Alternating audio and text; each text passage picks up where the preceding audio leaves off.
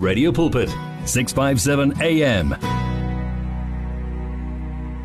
We are here 24 hours a day with the message of hope, faith and love on 657 AM. 14 after 4 o'clock njoba ngishilo ukuthi uma ngibuya nginoma mphumla cry sisaqhubeka ke ngodaba la Hey, lo ma relationships sisenyangeni angethi la kuthiwa khona ku celebrate wa uthando ngisa ngisa ngisasho namanje ukuthi there's nothing wrong ukuthi ke si celebrate uthando ngoba yinto enhle kakhulu and uma ul celebrate uthando noma kuba khona ke isikhathi lapho kuthiwa ku celebrate uthando kusho ukuthi nizobe uyazi nivuselela nje. Nofaka lo mlilo um in your relationship or ku marriage wenu and nisuka nakha um ama memories amahle uyayibona leyo nto mm asingene ke odabeni lwethu ukhona la umamphumla cry nginaye elayinini sawubona my queen my beautiful Hello, queen my queen. Hello, my beautiful, blessed queen. And unjani hello to your radio pulpit um, listeners. Siyabonga ukuthi ube nathi em kule ntambama em nokuthi nje usinikeze isikhathi sakho sizokhuluma nje. Lento eh, uyazi ukwakha ubudlelwane nomuntu kuyinto enhle kodwa singabantu sinokuthi si complicate igcine nje kungabi iyona into enhle. So mamphumla namuhla ke sizoyilungisa le ndaba ngithi Mm. ukuthi yes ukuthi asiqhubekeni sakheni ubudlelwane obuhle. Eh kungenzeka ukuthi kwamanje umuntu mhlawumbe usanda ukuhlangana nobanibani and basayiqala le le lendlela em kungaba kuhle ukuthi uyazi babe khona kulolu suku balalele lolu hlelo ukuthi eh, yebo kuyakhoneka ukuthi ihambeke lendlela and eh, ibe yinhle futhi ibe mnandi ienjoyeke ke uya- uyayibona Exactly, exactly. So mamphumla njoba ke sikhuluma ngama eh, ngama relationships namuhla. Um indaba yethu ke sizoyiqala from endabeni ka anonymous. yes. Ngizozama ukuthi ngisummarize indaba yakhe um ukuze izwakale um u- ukuthi ke sizoyithatha kuphi. Okay, u anonymous la uthi I was scammed through romantic scam. Ngizoyifunda njengoba injalo. Um uthi I was involved with this guy for a year and a half. Mm. Everything seemed okay and uthi akukho lutho ab- abe kususpecta kuyena okungekho right. Um investigateile wachecka iidentity yakhe enza isiqiniseko ukuthi everything ihamba nje accordingly. Nothing mm, seemed mm, suspicious. Uthi weza ke ngolunye usuku wazomvakashela. Waba convinced mm. kakhulu ke umama la ukuthi this is the guy engifuna ukuspenda isikhathi sami naye. Mm. Waclaima ke u- ubhutiza ukuthi ungu prince and asikho isidingo sokuthi umama aqhubeke asebenze ngoba um he will take over from his father's throne.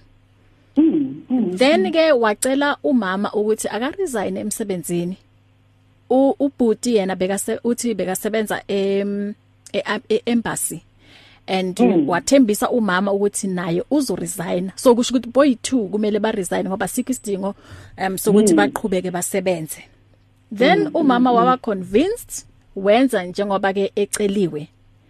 Uthi ubhuti yazi bokuumuntu nje o down to earth so soft spoken um bengangabonisi nje nama sign wokuthi ungumuntu oyiscam or umuntu nje o abusive wambonisa ke i- i resignation letter yakhe ngoJanuary eh yabonakala nje kuyinto okuyiqiniso and wam, wambelieve umama and fell mm. into that story wa resign ke usisi ngoFebruary waserve mm. until March um i think before i lockdown ngoba into zala eh, into eyenzeke last year but ke mm. uthi pension yakhe ya delay until end of October Mm.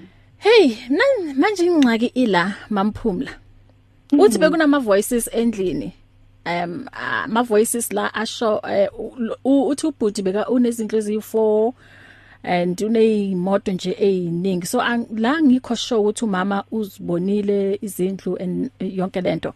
Kodwa uthi mm, bekunama mm. voices okuwukuthi kulezindlu asounda like um eh ngazi yeah ancestors. Uthi in mm. ku each and every house bokuna these voices. And uthi be, be lama voices bekakhuluma and uthi ngaleso sikhathi bekazwa ngathi like u, u hypnotized mm. or mm. Uh, something mm. like ngathi u angazi umehluko kuphi being hypnotized and ne witchcraft khona lapho mm. uh, why esho njalo umama ngoba uthi uye wa realize after ukuthi aye ebank umama mm. wathatha imali yakhe yonke wayinikeza mm. Lo bhuti imali ye pension um wayithatha yonke ngoba beka sa resignila ngithi emsebenzini so mm. uthi uluze mm. ipension yakhe yonke ka 15 years walahlekelwa mm. futhi na umsebenzi uthi kwamanje she is so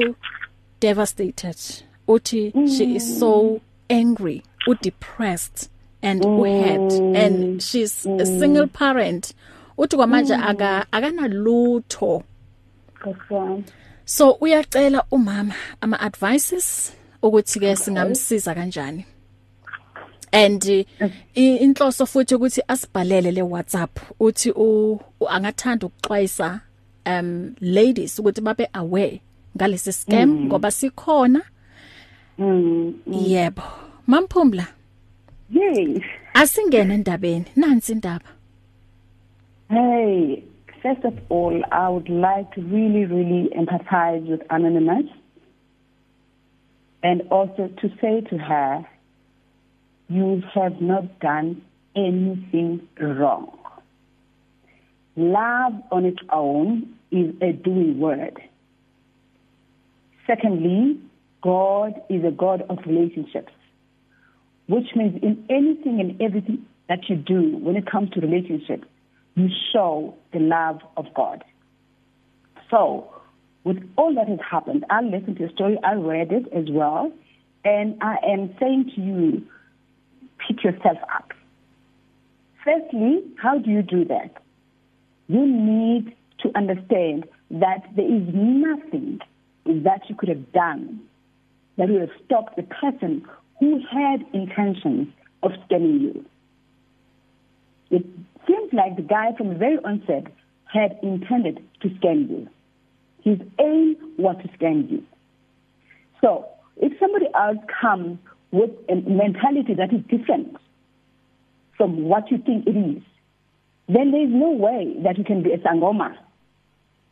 You believe in love and you saw qualities of a good man in this man. If you are saying that he's soft spoken, he seems genuine, and right now, don't regret what happened. Only thing that we need to learn is to say what are the steps that I need to take in future in order to make sure that I am not stemmed again. You know, um, I always refer to the Word of God that there is nothing that happens to you. Everything happens for you. Like now, you are saying you are here to equip other women to be alert of what has happened to you so that they don't fall into the same scam. And that alone is a ministry. You are ministering to us or to other women who have not been scammed yet that they need to be alerted. There are people that are like this person. So which means at the end of the day, what happen, whatever happens, it happens for you to empower other women. And secondly, there is something that I always um, ask people to do, including myself. Learn to forgive yourself. God has forgiven you already. But what's important is to learn to forgive yourself. That's a very, very hard part of dealing with our hiccups along the way. We tend to be hard on ourselves. As a result, that delays that delays our way forward. Because you, you get stuck. Immediately you think, what could have I done? the, the truth is this is in the past. There's nothing that you could have done. You believed in this man. You showed all the signs. You did your investigation. Obviously obviously you didn't do it well. Except that you didn't discover that he is not a prince. But you did your part. So there's nothing more you could have done. I'm asking you i know you're listening that please one step is to accept that this has happened. It's in the past. It's not happening now. As much as it has got consequences. Secondly you forgive yourself. I mean, as women, we've been given a heart that is soft, a heart that understands, and a heart that is loving. So there is nothing that you did wrong. You merely listened to the man, and he showed. I mean, a year is a long time for a person to pretend. You couldn't have mm. done it otherwise. I mean, it's a long, a whole year. You are behaving well. Mm. Regarding the, the hypnotists and and, and and the ancestors, you know what? Even if you're not hypnotized, Love on its own, it hypnotizes you. Hmm. The fact that there's somebody who says, I love you, it makes you to want to please them. It makes you to want to do the best for them. I, I, I'm under the impression that you could have done the same thing even if you're not mm. hypnotized. Mm. Because that's what we do as humans. That's how we respond to love. Because love is a verb. Love is a doing word. Mm. So how else can I show that I love you if I don't listen to what you're saying and believe you. So you did the right thing, you are trusting, and I'm going to say continue trusting, continue believing in love, continue knowing that, you know what, whatever the person did, they did it to themselves, for themselves. It got nothing to do with you. There are consequences with anything and everything that a person does to another person. But one thing that you mustn't do is to carry that cross to yourself. Mm because you are punishing yourself, you are delaying your progress, you are going to be frustrated and depressed. Because depression is a result of thoughts that,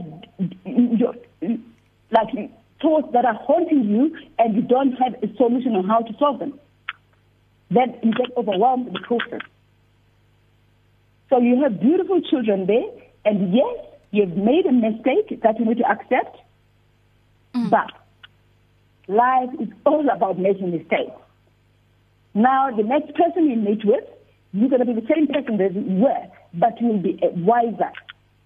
Mm-hmm. You will know that nobody must tell you what you need to do about yourself, mm-hmm. about your money, mm-hmm. about do things voluntarily. Mm. Yes, you will give again, but nobody must tell you what to do with your life. Firstly, as, as, as, as people, we, we just need to learn to, to find ourselves. Because when you find yourself, you found your identity. You know who you are. Yeah. When a person meets, meets you, they, you, you, you explain yourself or you tell them, this is who I am. And not that you're not going to compromise along the way, but at least you mustn't move from who you are. Because by doing so, you will forget who you are and in a way merge with who they are. Mm, mm, mm, and mm. then you'll be a lost soul along the way. That's where regret comes in. Hmm. And um angazi ukuthi uma kuza ku mhlawumbe kwi is there a way I don't know mhlawumbe kunomuntu olalele khona manje owaziyo um izinto zomthetho ukuthi ikhona indlela mhlambe angasizakala ngayo legally? Uh, I don't know but ngicabanga ukuthi uma kuza ngokomthetho kuzothiwa umnikezile um voluntary. Uh, I don't know but if kukhona umuntu owaziyo ngomthetho mhlambe ikhona advice angamnikeza yona omunye la sisiphumla uthi Eh uyabuza kumama I wish ngathi mhlawumbe ngakwazi ukuthi asiphendule. Uthi ucela ukuthi umama into angayenza mhlambe kwamanje abuyele emsebenzini ne? And then acele ukuthi eh umqhashi wakhe ukuthi amqhashe futhi and then amchazele udaba lwakhe. Mm. um uh, is that a good advice mhlambe I believe that would help as well if there's still an opportunity for Yeah. her to be employed again. mhm And she's got nothing to lose by going back to her employer and, and especially if she's worked there for a long time and she had a good record. yeah mhm You can always call them and tell them your predicament. And uh, if there is an opportunity, obviously they'll give it to you unless there's none. mm And in that way, you'll be able to start afresh. We always start afresh in life. It happens one way or the other. mm It's so sad that it happened this way, but life has got a way of making us to start afresh one or the other. But what is good about starting afresh? You have learned some lessons in the past. yeah You mm know what worked for you. You know what doesn't work for you. Which means you gain wisdom with the experience, you know, mm that you've gone through. hmm So we can really, if possible, go back to work and ask to be employed or else apply somewhere else.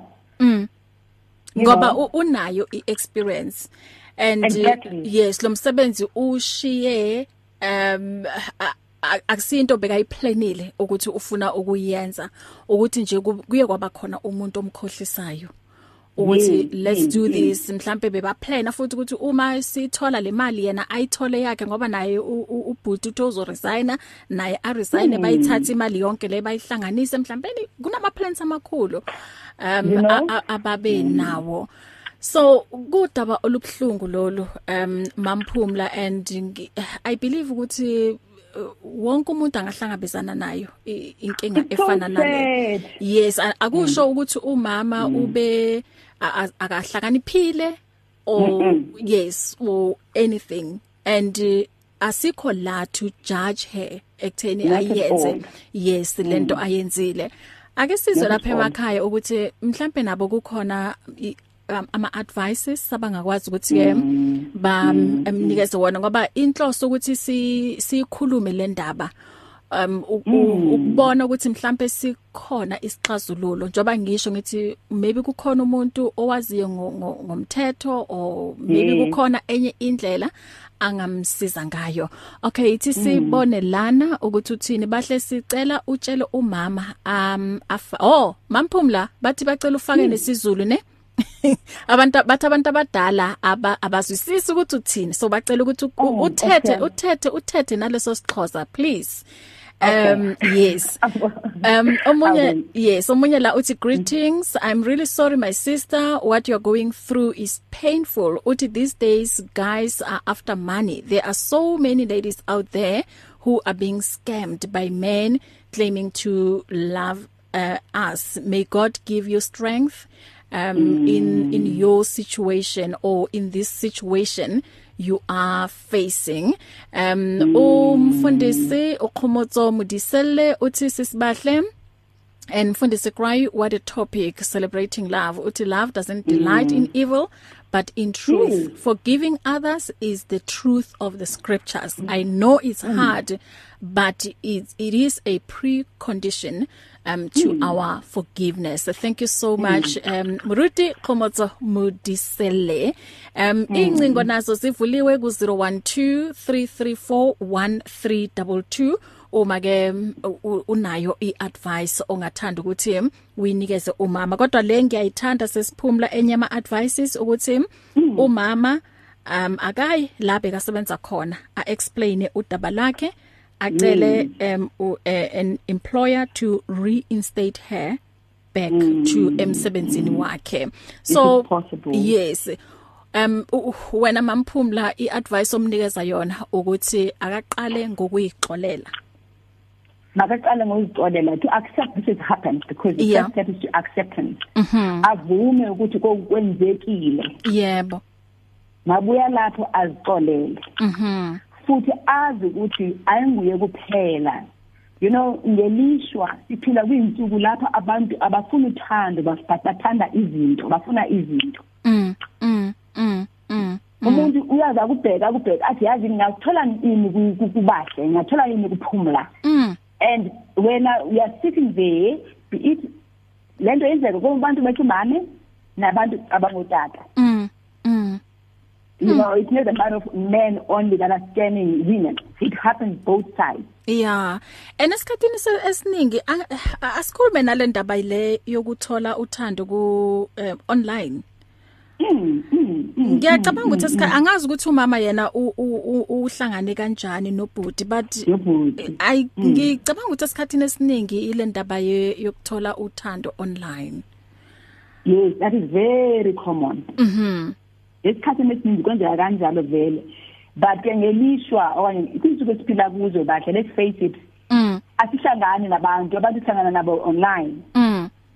So ngokumanje mawuzobaleka ulokuthi hayi ngeke mina ngidibana nabantu online because bazi scams not mm. all of them are yes not mina, all of them. Yeah i agree. kuningi engibonile na kwe TV ngibona abantu besada bathi sahlanga na Facebook ukhona umuntu umfana futhi esimthanda kakhulu be Facebook angizibiza ngegama Maria zazi ukuthi ulalele. Mhm. uqeda uqeda ngeja manje uthi naye wahlangana ngesisi lokhu Facebook sisi usekapa nomfana yena bese Joburg but the are zikhona izinto ezi right Mm. online. Mm. so we cannot rule it out.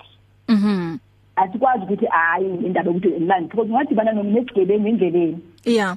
okusalayo ukuthi abantu kule mihla siphila kuyo uthando bawenze ukuthi i- i- ayilothando olulaziyo instead bakhangela izinto mm mm, empilweni mm. Ukuthi bahle usebenza eradweni manje ngiyangena kanjani mina eradweni mm so ngcono mina ngi- ngenze lento idingwa ngubahle because ba- u- u- bajonga izidingo zakho. Yeah. Ubahle usingle Mm. hey ngibufuna indoda ithi ngim approach. Mina ngiyayazi ukuthi mina ngisiwa ku radio ngifuna ama connections yebo? Mm. so kulamalanga what you need to do is that uma kwenzekile ukuthi wenze iphutha ungene lapho ungazisoli wazi ukuthi wena ngeke ubhatalele i- i- ukwenza komunye umuntu. Mm. Don't attach what has happened to you. You are not what has happened to you. Mm. Awuyiyo lento enzeke kuwe unguwe and ungaze ushintshe nendaba yokuthi umuntu othile kwenze okusona instead yiba nobulumko ukuya phambili? Amen. Umfundisi mudikwe uthi um umama akathole a good lawyer. Uthi usesenayo icase. Ngobani? Ngoba bebangashadile. Uthi she can get mm. her money back. And manje um enye indaba ukuthi asazi ukuthi umuntu wala eNingizimu Africa umuntu wala eSouth Exactly. Africa um mm. o kanjani? Ngoba uzothola ukuthi mhlawumbe akusiyena umuntu wangala sekahambile. Awu ubuyele mhlambe la ahlala khona. Kusho ukuthi osenblokile yes uhambe nayo imali kaMama and uthola ukuthi nala bekamise khona athi nazi izindlu zami. Akusiyona nendawo yakhe. Hmm. Okay ithi Kanti- yeah. Okay. Ngithi ngeke umuntu osiscam akunikeze everything straight eyazi ukuthi it's scam. So the the the possibility is anything lambonisa yona bengekho yeah.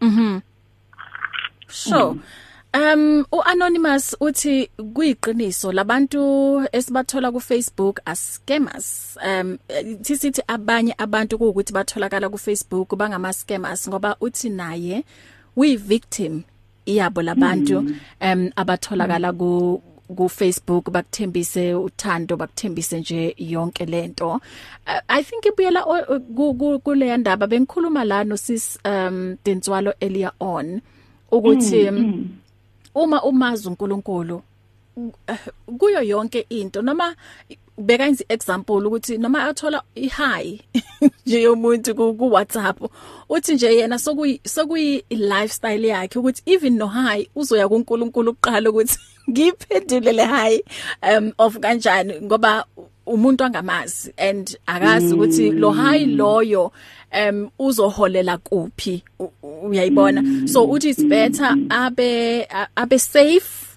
um nokuthi ke uthola ukuthi isikhathi siyahamba and then uhlangana nabantu ama scammers cishe afana nalawa. Upastor Mondli Dlamini uthi um a sad story about uh, this sister who has been scammed. The fact yokuthi she shared her story to educate us shows ukuthi she has enough courage.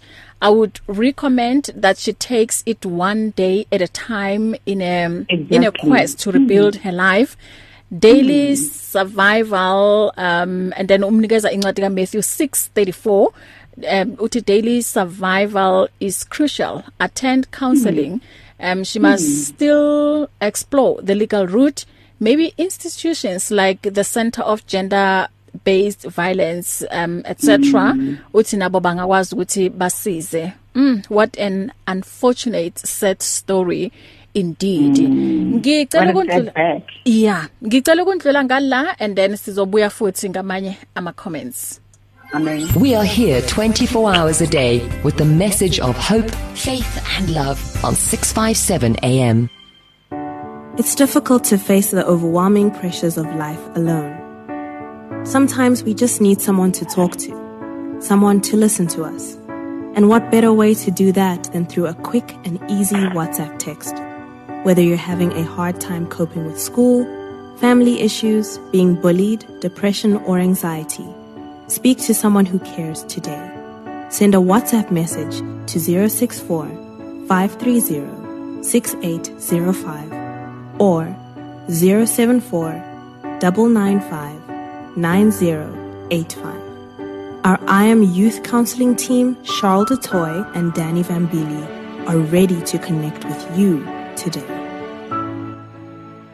You can now buy your favorite programs and series of the past 38 years on eCompanion, Radio Pulpit's own online shop. Revisit programs by beloved presenters like Justice Chungu, Cecile Burger, Esti Geldenhuys, and Pastor Aaron Jelle. Books and CDs from various authors and artists, as well as Radio Pulpit t-shirts, caps, and other branded products will also be available on eCompanion, your one-stop soul food shop. Visit radiopulpit.co.za and click on shop. T's and C's apply. There is radio and radio, and then there's 657 AM. Can you hear the difference? Uma unaso iseluleko um i advice ongayinikeza umama incingo sivuliwe ku 012 334 1322 012 3341322 isikhathi ke sithi 1641 uku AM 657 ungasithola na ku DSTV audio bouquet 882 5 o'clock. Lapho ke ngizobe ngiyithula khona um intambo. Um kwamanye ama comments ngoba ngiye ngayiposta um, uh, before sizongena la emoyeni um lo- udaba luka mama ngithanda ukuzwa even nako social media ukuthi yipi indlela mhlawumbe engasizeka ngayo. So kwamanye ama comments ubaba usipho mthweni uthi um kusisi angakusho um ukuthi ku- kunokukhanya after um eh ku- ku tunnel uthi yena into angayenza ukuthi am trust uNkulunkulu. Eh abeke nje konke kuyena. Ubaba uMichael Ramoroko uthi if bekamthanda ubhuti ngothando lwangempela eh, bekazomvumela ukuthi aqhubeke nje asebenze until umama kuba uyena adecideayo ukuthi uyawuyeka um umsebenzi. Ubongani the author uthi yo this is like a movie a horror story. Uthi uthando mm. is a dangerous drug um mm. bese ueda uh, wild sex to it uthi then it's over. Uthi inyawupe has nothing on love and sex alone. My sister will have to count her losses and start over again uh, forgive herself. Uh, what mm. does one even start? Makuso okay? I always say mm. if a man was able to lie about his roots upbringing yakhe and faith he cannot be trusted with love. That is profound. Mm. um mfundisi. Mm. Um what's your take kule ndaba ukuthi if umuntu angaqamba amanga about his roots upbringing and faith he cannot be trusted with love That's the truth. mm. That's a definite truth. But uh, here's the thing: how are you going to know that they are lying in the beginning? Mm. You know. Mhm. Mina, I, I always say, what into ebalekile ngiyasheka because omunye uqeda ngithumela message sithi ucela ngikhulume isilungu abandiza manje abanye bathi ngikhuluma isilungu yeah mixa ngicela umixe ungawa mix ama Yes. languages akho mhm Yeah. So what is important is to know yourself. You know, yeah know yourself, and what's important, know yourself in God. mm Bese mawuzazi kuNkulunkulu izinto manje zisehla you don't identify yourself with them. Mm. Because manje usithi she must never look at herself as that woman who got scammed. Yeah.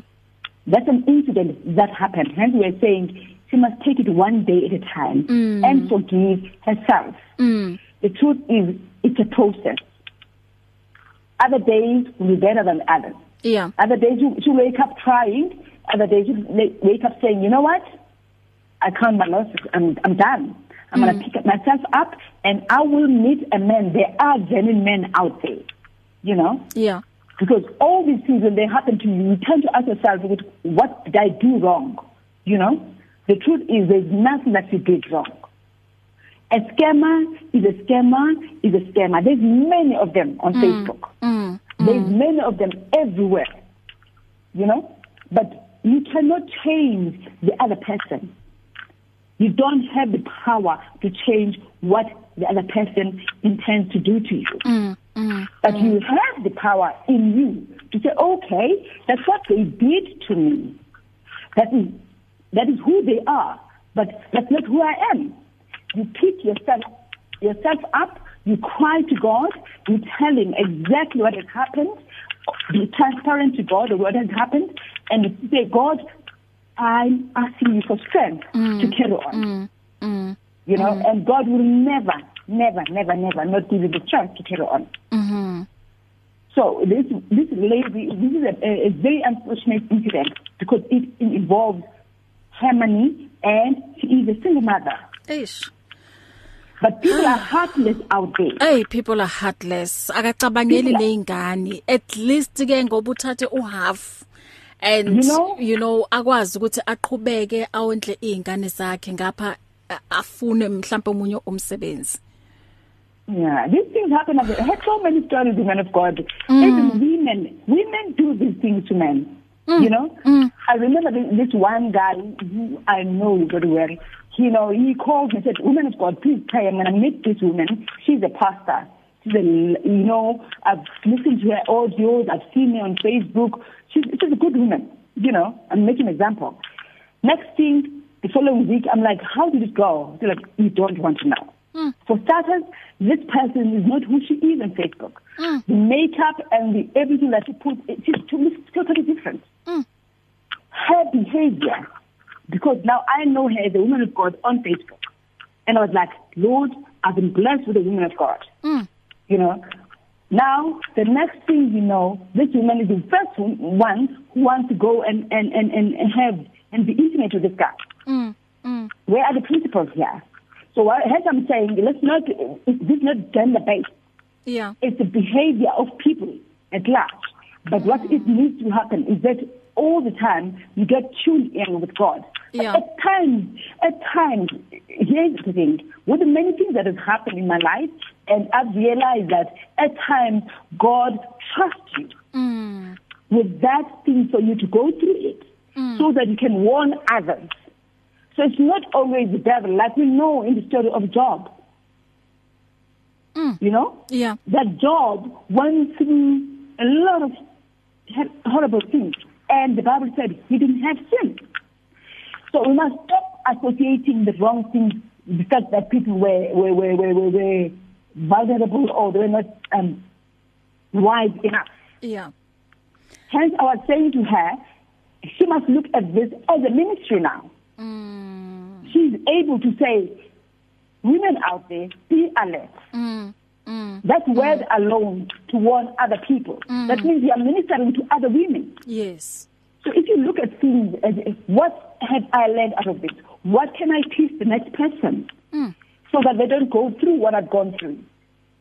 And Wow. in that way, you'll be able to say, it's okay, it happened, and I'm out of it now. Mm. What do I do way forward? Mm. Because what, what gets us stuck as people is to associate the incident that happened to us Yeah. as if we are that incident. You are not what happened to you. I keep on saying that because the Bible tells us exactly who we are in the Lord.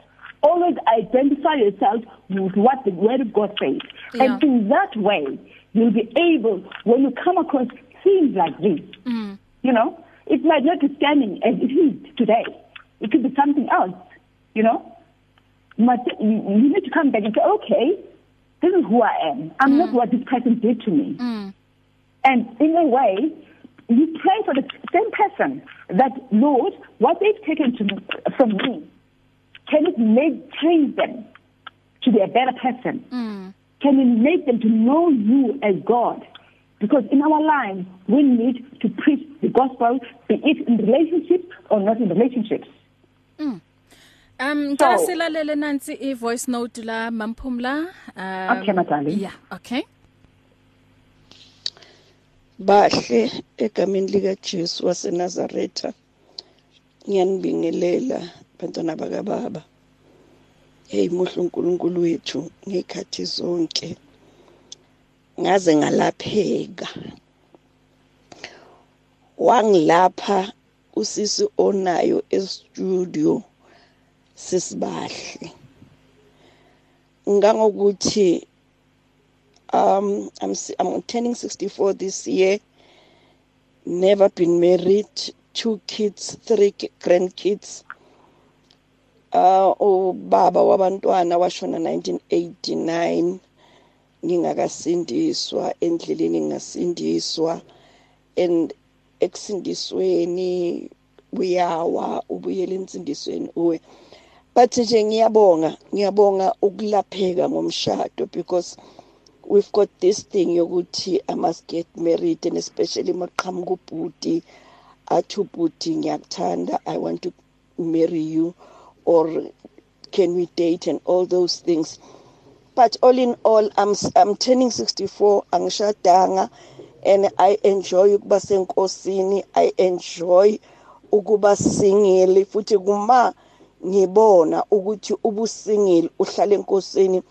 Athi umpostoli Paul abangagananga abaphilele inkosi ngoba abaganile baphilela abayeni babo. So ngilaphekile nje ngosisi onaye lapho ukuthi akusisono ukungagani akusisono ukuthi ungamtholi umuntu othi can i marry you?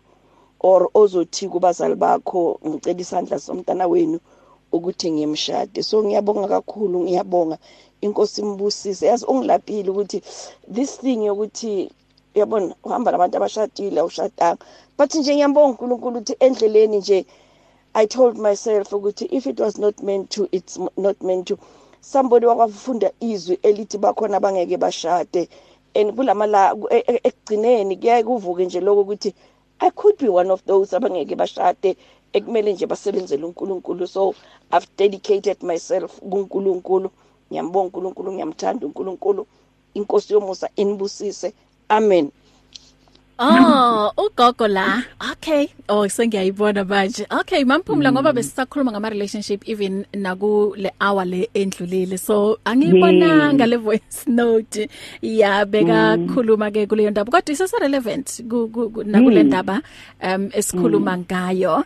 Um as asithole futhi enye la i, i WhatsApp. Okay, saphuma kumfundisi Mudikwe uthi wangathanda nje ku advisor um abo ladies ukuthi um uthi don't fall in love with your feelings uthi uNkulunkulu gave um us brains uthi let us use our brains and sibuze nakwabanye abantu babo baba and pray yabona nje pray yebo pray mm. and then mm. omunye la uthi um, um angazi ukuthi izo izobekeka kahle ikakhulukazi la emoyeni so uthi ku ithi nje ngibe ukuthi uthi kunabanye abantu ukuthi bazoclaima ekutheni bangabafundisi and then hmm. eh uthola umuntu manje sekafuna ukuzohlala kwakho ahlale nawe athi ubaqaphele abantu abafana nalabo um mm. anonymous and then mm. omunye la uthi good evening radio pulpit uh, team um igama unompumelelo mdluli uthi i feel mm. bad for what happened ku mama it is painful mm. and e emotional traumatizing uh, mm. kulokho okwenzeke kuyena uthi ke ukusisi there is something i need to tell her um it is not over until God says it is over No. uNkulunkulu unaye i think she needs mm. counseling be, before she can start forgiving herself and then mm. uthi bazokhuleka nawe mama and um, um mama umfundisi Mondli Dlamini ne uthi mm. i gender based violence command center uh inamba yabo usinikeze yona. Uma uphethe ipen la ukhona ngicela uyibhale ne 0800 428 428 and then uma mhlawumbe ungakwazi ukusizeka la umfundisi Mondli uthi please mfonele naye. Eh ngizom mm. eh, mfundisi Mondli ngiyacabanga ukuthi uyangivumela ukuthi ngimnikeze umama your number ne? And then uthi ke bangakwazi ukuthi bayi-attend icase yakhe. Uthi kusese icase njengoba ke nomfundisi umudikwe besho la ukuthi kusese icase angakwazi ukuthi ke amvulele icala. So mfundisi Mondli mm. into engizoyenza ke ngizomnikeza umama inamba yakho uma ke angakwazi ukuthi asizakale ku 0800 428 okuyinamba ye eh gender based violence command center eh ngizomnikeza futhi neyakho inamba. Okay um ithi sibuke la omunye uthini? Um alright no le akusiyona eyethu. Yeah, okay. Um 0123341322 uma ke ungathanda ukungena sisase naye imzuzu embalwa plus minus 5 minutes. Omunye naye uthi uyathanda kuba anonymous. I'm a single mom who is 43 years old. Uthi lento eyenzeke em gim uthi nayenzeke kuyena ngo 2015.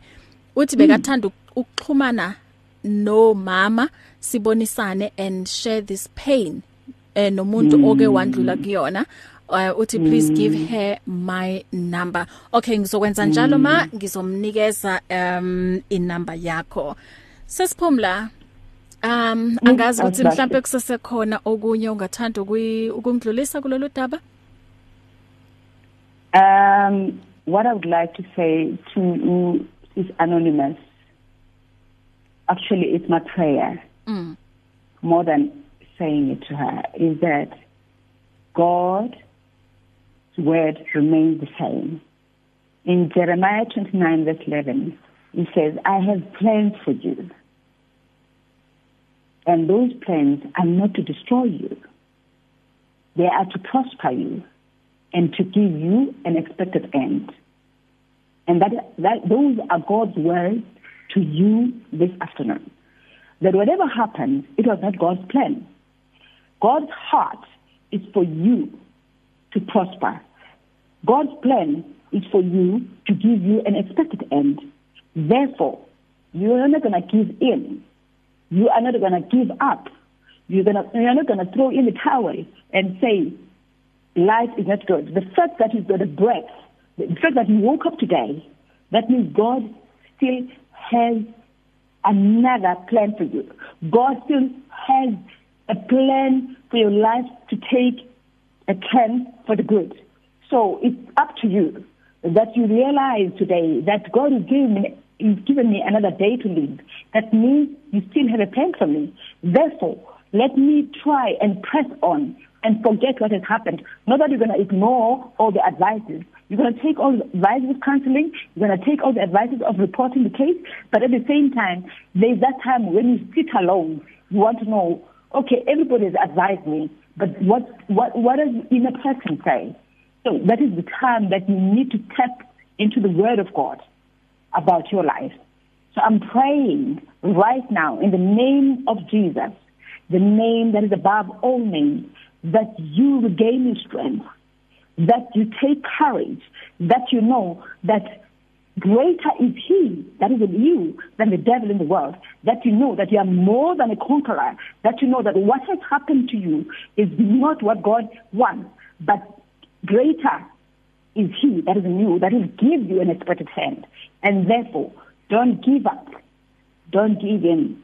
Pursue Christ and keep holding on to him, knowing that at the end of the day, he will give you the desires of your heart. As he says in Psalms 20 verse 4, that he will give you the desires of your heart and make all your plans succeed. In Jesus' name. Amen. Amen. Um uyazi benginga bengithandile futhi ukuthi ngathi kungaba khona umuntu owaziyo ngomthetho and then um yeah akwazi ukuthi mhlawumbe angam advise kanjani. Kodwa i'm happy ukuthi upastor Mondli eh, Dlamini um kukhona nje okunye um angamsiza ngakho njengoba ke emnikeze inamba ye gender based violence command center ukuthi ke axhumane nabo noma ke axhumane naye um uqobo. Em mamphumla mhlambe uma kukhona umuntu othanda ukukhuluma nawe ungasekho ngala utholakala kuphi Okay, I am on social media as Pumla Kwai, spelled P U M L A K R A A I. Mm. And uh, it would be nice to uh, hook up with the lady, the anonymous. She must feel free to invite me. I'll accept her friendship. Secondly, uh, I'm on WhatsApp on this number 061 428 3355. So you can contact me on, on social media on, on that WhatsApp number. Mhm. Um mamphumla okuhle ukuthi sisazoqhubeka nawe um sisayikhuluma le ndaba eh, yama relationship Ah, Yeah Now there's a so lot. yes next week ke sizoqhubeka um eh, ngaso futhi lesikhathi 4 until 5 siyabonga kakhulu ngokusinikeza nje i- i- ithuba ukuthi sikhulume nawe so nge WhatsApp utholakala ku 084029 0936 and then bangakuthola na ku um, Facebook uphumla Krai P U M L A and ukrai is K R double A I Yes, yes, definitely. until ke sihlangana futhi evikini elizayo lalela nje ukuthi ngikhipha ngomhlabelelo omnandi kanjani yazi umhlabelelo nje ogcwele uthando udume inkosikazi Amen. la bekahlabelela unkosikazi wakhe ethi zipho zenkosi bless you Amen. Bless you, Tanasam. Thank you so much. It's difficult to face the overwhelming pressures of life alone. Sometimes we just need someone to talk to, someone to listen to us. And what better way to do that than through a quick and easy WhatsApp text? Whether you're having a hard time coping with school, family issues, being bullied, depression, or anxiety, speak to someone who cares today. Send a WhatsApp message to 064 530 6805 or 074 995 9085. Our I Am Youth Counseling team, Charles Dudoy and Danny Vambili, are ready to connect with you today. It's here. Radio Pulpit's new website is live. You can tune in at radiopulpit.co.za and enjoy crystal clear sound with just a click of a button or listen to our podcasts. Discover biblical truths in our daily devotionals and let our stories of hope inspire you. You can download our app on this new look, easy to use platform. Find your favorite program, get to know our presenters, and so much more at radiopulpit.co.za. Radio Pulpit, your daily companion. You and 657 AM and life, a winning team on the road to eternity.